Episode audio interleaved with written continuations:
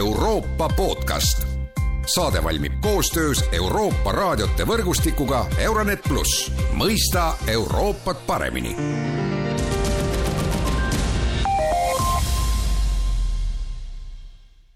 tere taas kuulama Euroopa podcasti. Eelmisel nädalal väljastas Haagis asuv rahvusvaheline kriminaalkohus vahistamismääruse Vene presidendi Vladimir Putini ja Vene laste õiguste voliniku Maria Aleksejevna Lvova-Belova suhtes määruse tagamaid aitab Euroopa podcasti Skype'i vahendusel selgitada õigusteadlane Rene Värk, tere päevast! tere päevast! ja mina olen Erkki Pahovski. ja no alustame sellest äh, vahistamismääruse sisust, et äh, me ju teame, mis Ukrainas toimub ja me teame seda, missugused sõjakuritegusid on Vene armee ja tema juhid eesotsas Putiniga korda saatnud, aga ikkagi see vahistamismäärus puudutab just laste küüditamist, ehkki noh, me teame seda ju, et äh, neid kuritegusid on pandud korda seal palju hullemaid ja, ja, ja, ja ka kordades rohkem, et miks, miks teie arvates just lastest alustati, et sellepärast, kas siis sellepärast, et seal on konkreetsed tõendid?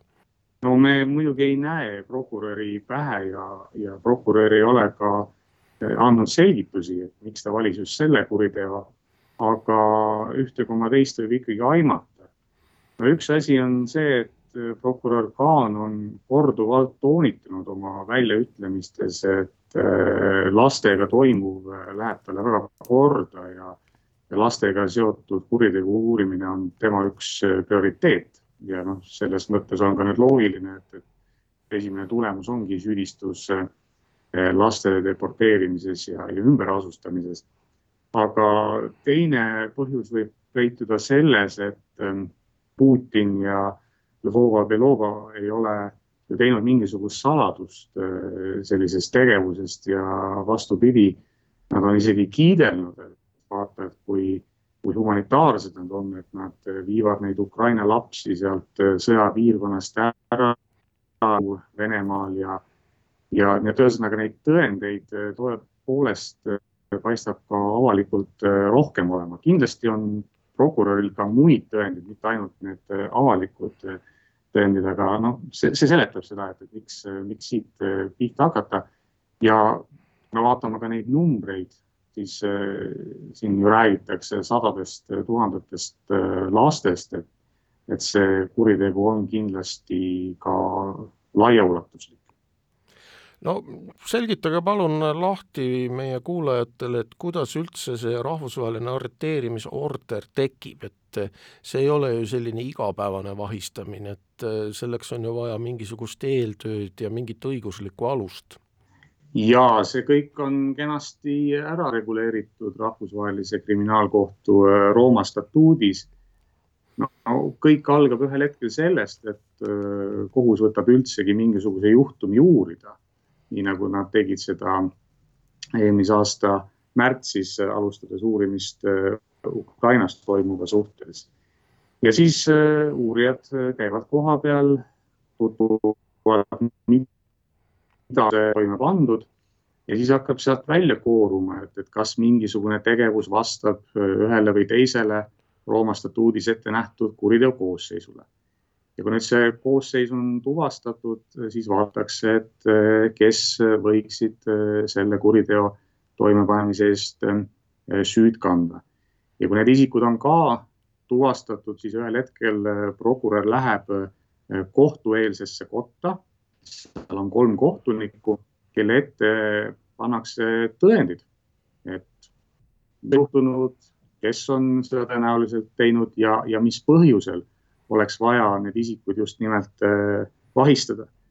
ja nüüd äh, need kolm kohtunikku peavad kaaluma neid äh, argumente ja tegema otsuse, et jah, paistab olema piisavalt alust kahelda, et selliseid kuritegusid on toime pandud ja et isikud on sellega seotud ja annavad selle tulemusena selle vahistamise määruse välja. no need põhjused võivad olla erinevad, noh üks on näiteks see, et nad kardavad, et isik võib põgeneda või ka see, et, see isik jäädes vabadusse jätkab nende kuritegude toimepanemist, nii et et siin ju on alust küll ka Putini ja siis Lvova Belova vahistamiseks, ennekõike selleks, et takistada neil edaspidi nende kuritegude toimepanemist, nende, nende jätkamist no vestlesin eelmisel nädalal ühe sõbraga ja tema küsis minu käest ja ma ei osanud vastata, on see, et tõepoolest, et kuidas siis äh, saab riigijuhilt ära võtta immuniteedi, et äh, see ju tegelikult tähendab seda, et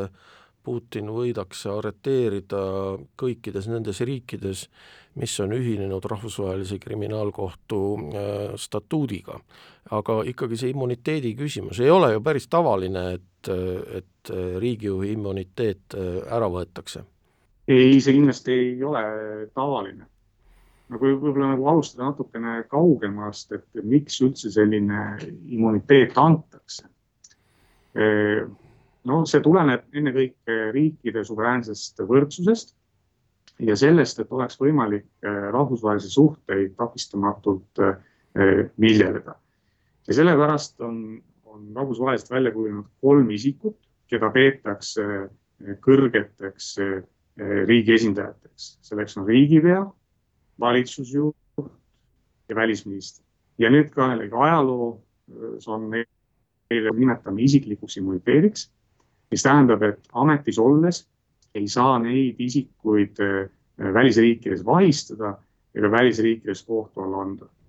ja seejuures ei ole oluline, millistest tegudest me räägime, kas need teod on toime pandud ametiülesandeid äh, täites või, või, või, või eraviisiliselt, et sellel ei ole vahet just, et see on see, et, need tagavad, keda tuntakse kui troika, sellise võimalikult suure vabaduse, see on see põhjus. aga nüüd, ähm, nii nagu aeg ikka edasi läheb ja tulevad muutused äh, maailmas, siis ühel hetkel hakati mõtlema selle üle, et kui kõrged riikide esindajad panevad toime rahvusvahelisi kuritegusid, siis kuidas me ikkagi õigustame selle immuniteedi olemasolu, et ei saa ju väita kuidagi, et, näiteks genotsiidi või sõjakuritegude toimepanemine kuuluks kuidagigi ühe riigipea ametiülesannete hulka. Vot äh, rahvusvahelistes kohtutes hakkas vähehaaval tekkima selline praktika, et, et just nimelt rahvusvaheliste kohtute ees see immuniteet ei oma tähtsust. erisus on siin selles, et see rahvusvaheline kohus ei täida ühe riigi tahet nii nagu seda teevad riigisisesed kohtud. et rahvusvahelised kohtud tegutsevad rahvusvahelise kogukonna nimel ja huvides ja seetõttu on ka põhjendatud, et immuniteet ei takista kohtumenetlemist. ja nii on ka rahvusvahelise kriminaalkohtu Rooma statuuti konkreetselt sisse kirjutatud, lihtsustavalt öeldes, et kõik inimesed on kohtu ees võrdsed ja kellegi ametipositsioon või sellega kaasnevad erireeglid ei, ei kohaldu. ja vot siit nüüd siis edasi ongi see, et, et kohus esitas Putinile äh, vahistamismääruse. me ei, me ei võtagi nii-öelda sõna otseses mõttes Putinilt seda, seda immuniteeti ära, vaid me, me lihtsalt ei arvesta sellega äh, rahvusvahelise kriminaalkohtu ees. see oleks nagu see loogika ja, ja põhjendus sellele asjale no see loogika on täiesti arusaadav, aga siit tekib muidugi edasi küsimus, et mis siis saab üldse rahvusvahelistest organisatsioonidest, mis on ju ka rahvusvahelise õiguse üks osa, ma mõtlen siin ÜRO-d, et Putin on ju tegelikult ÜRO alalise julgeolekunõukogu ühe liikmesriigi juht. Ja nüüd võetakse siis see immuniteet ära, noh sellega ju vähemalt minu arvates väheneb ju ÜRO tähtsus ja osakaal ja võib-olla ka mõte, et et ÜRO peaks olema ju see küsimus, kus neid asju lahendatakse, aga seal kõrval on, eks ole, rahvusvaheline kriminaalkohus, mis äh, väga ei, ei, ei lähtu sellest, mis ÜRO-s on kokku lepitud.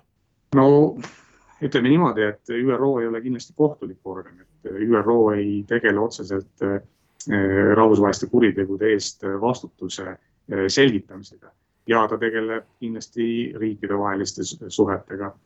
aga me jõuame jällegi sinna punkti, et noh, mis see siis tähendab, et, et kui sa oled nüüd äh, Venemaa või mõne teise julgeolekunõukogu alalise liikme äh, riigipea, et, et sul ongi siis voli neid tegusid toime panna. ja seda enam, kui tänane ÜRO süsteem on üles ehitatud sellele, et alalistel liikmetel on veto ja Venemaa saabki julgeolekunõukogus kõike vetotada, noh siis me oleme nagu täielikus tupikus. Ja no veel kord, ega siis sellise Eh, siin on ikkagi väga-väga tõsised põhjused eh, selle jaoks ja see on ka kindlasti väga selge sõnum eh, ju maailmale, et selliseid asju ei tohi teha. seda enam ka ju, kui me vaatame ÜRO-d, ÜRO harta artiklit üks lõige üks, siis ÜRO esmane eesmärk on rahvusvahelise rahu ja julgeoleku säilitamine. nii et nüüd öelda, et, et me lähme ühe agressorriigi juhtkonna vastu, see kuidagi häirab ja julgeolekut. ja siin on kindlasti äh, sellised äh, konfliktsed kohad olemas ja on ka rida riike, kes sellist jõulist sammu äh, rahvusvahelise kriminaalkohtu poolt ei, ei poolda. aga no ühel hetkel peab hakkama maailma muutma ja me ei jää, saa jääda lõputult sinna, sellesse arhitektuuri võib-olla, mis pärast teist maailmasõda kokku lepiti jaa, no sellest on räägitud palju, aga äh, paar sõna võib-olla peaks rääkima ka sellest Rooma statuudist, äh, millel Rahvusvaheline Kriminaalkohus põhineb ju, tegelikult ju alguses Venemaa ju tahtis ka selle statuudiga ühineda, kui ma olen õigesti aru saanud. jaa, äh, Rahvusvahelise Kriminaalkohtu Rooma statuut on, on rahvusvaheline leping, millega Rahvusvaheline Kriminaalkohus loodi. see kohus on selles mõttes eriline, et tegemist on esimese alalise üksikisiku kriminaalvastutust eh, puudutava kohtuga. et see idee juba hakkas sündima pärast teist maailmasõda, kui olid ära olnud Nürnbergi ja Tokyo tribunalid. aga peagi alanud külm sõda jättis selle projekti pooleli ja, ja alles ütleme üheksakümnendatel tuldi sinna juurde tagasi. Eh, suureks nii-öelda ajendiks oli ka endise Jugoslaavia ja eritribunali eh, loomised. nii et jah, loodi eraldi selline rahvusvaheline kriminaalkohus, tänaseks on seal sada kakskümmend kolm liikmesriiki, mida on siis umbes eh, kaks kolmandikku maailma riikidest. nüüd mõned riigid eh, kirjutasid alguses Rooma statuudile alla, näiteks Ameerika Ühendriigid, Iisrael ja ka Venemaa. aga rahvusvaheliste lepingutega on selline asi, et neile kõigepealt kirjutatakse alla ja tavaliselt äh, järgneb selline äh, nii-öelda faas, kus siis riik saab järele mõelda, äh, et kas see leping talle ikkagi sobib. riik saab võimaluse võib-olla ka mingisugused riigisisesed protseduurid ära teha ja seejärel riik lõplikult otsustab jah, ei. ja ta ratifitseerib selle lepingu. noh, nii nagu Ameerika Ühendriigid ja Iisrael üsna kiiresti loobusid Rooma statuudi ratifitseerimisest, äh, nii ka ühel hetkel teatas äh, Venemaa, et, et tema ei kavatse selle osapooleks saada. ja seda argumenti täna ka Venemaa kasutab ja ütleb, et igasugune rahvusvahelise kriminaalkohtu tegevus nende suunal on, on õigustühine ja, ja ka see, see vahistamismäärus ei oma tegelikult mitte mingisugust tähtsust Venemaa ega ega Putini suhtes. noh, tegelikult ju küsimus ei ole ainult ju õigusliku poole pealt, vaid noh, on ju, pole ju saladus, et sellel rahvusvahelisel rahvusvahelisel kriminaalkohtu otsusel on ka väga suured äh, poliitilised tagajärjed ja noh, teie hinnangul, et äh, Putinil on ikkagi vist väga raske välismaal käia nüüd ja, ja noh, ma siis ka vastupidi, et välismaa liidritel, enamikel välismaa liidritel on ju keeruline suhelda inimesega, keda kahtlustatakse sõjakuritegudes. ja ma arvan, et sa tegelikult võtsid selle asja väga hästi kokku, et äh, nagu ma ütlesin, sada kakskümmend kolm liikmesriiki, äh, mida on umbes kaks kolmandikku maailma riikides, et see, see ahendab ikkagi Putini äh, reisimise võimalusi oluliselt, sest et niipea, kui ta sinna riiki satub, peaks riik eh, tema, tema vahistama. ja nüüd on ju siin ka tulemas eh, erinevad suuremad kohtumised siin G kakskümmend ja, ja muud.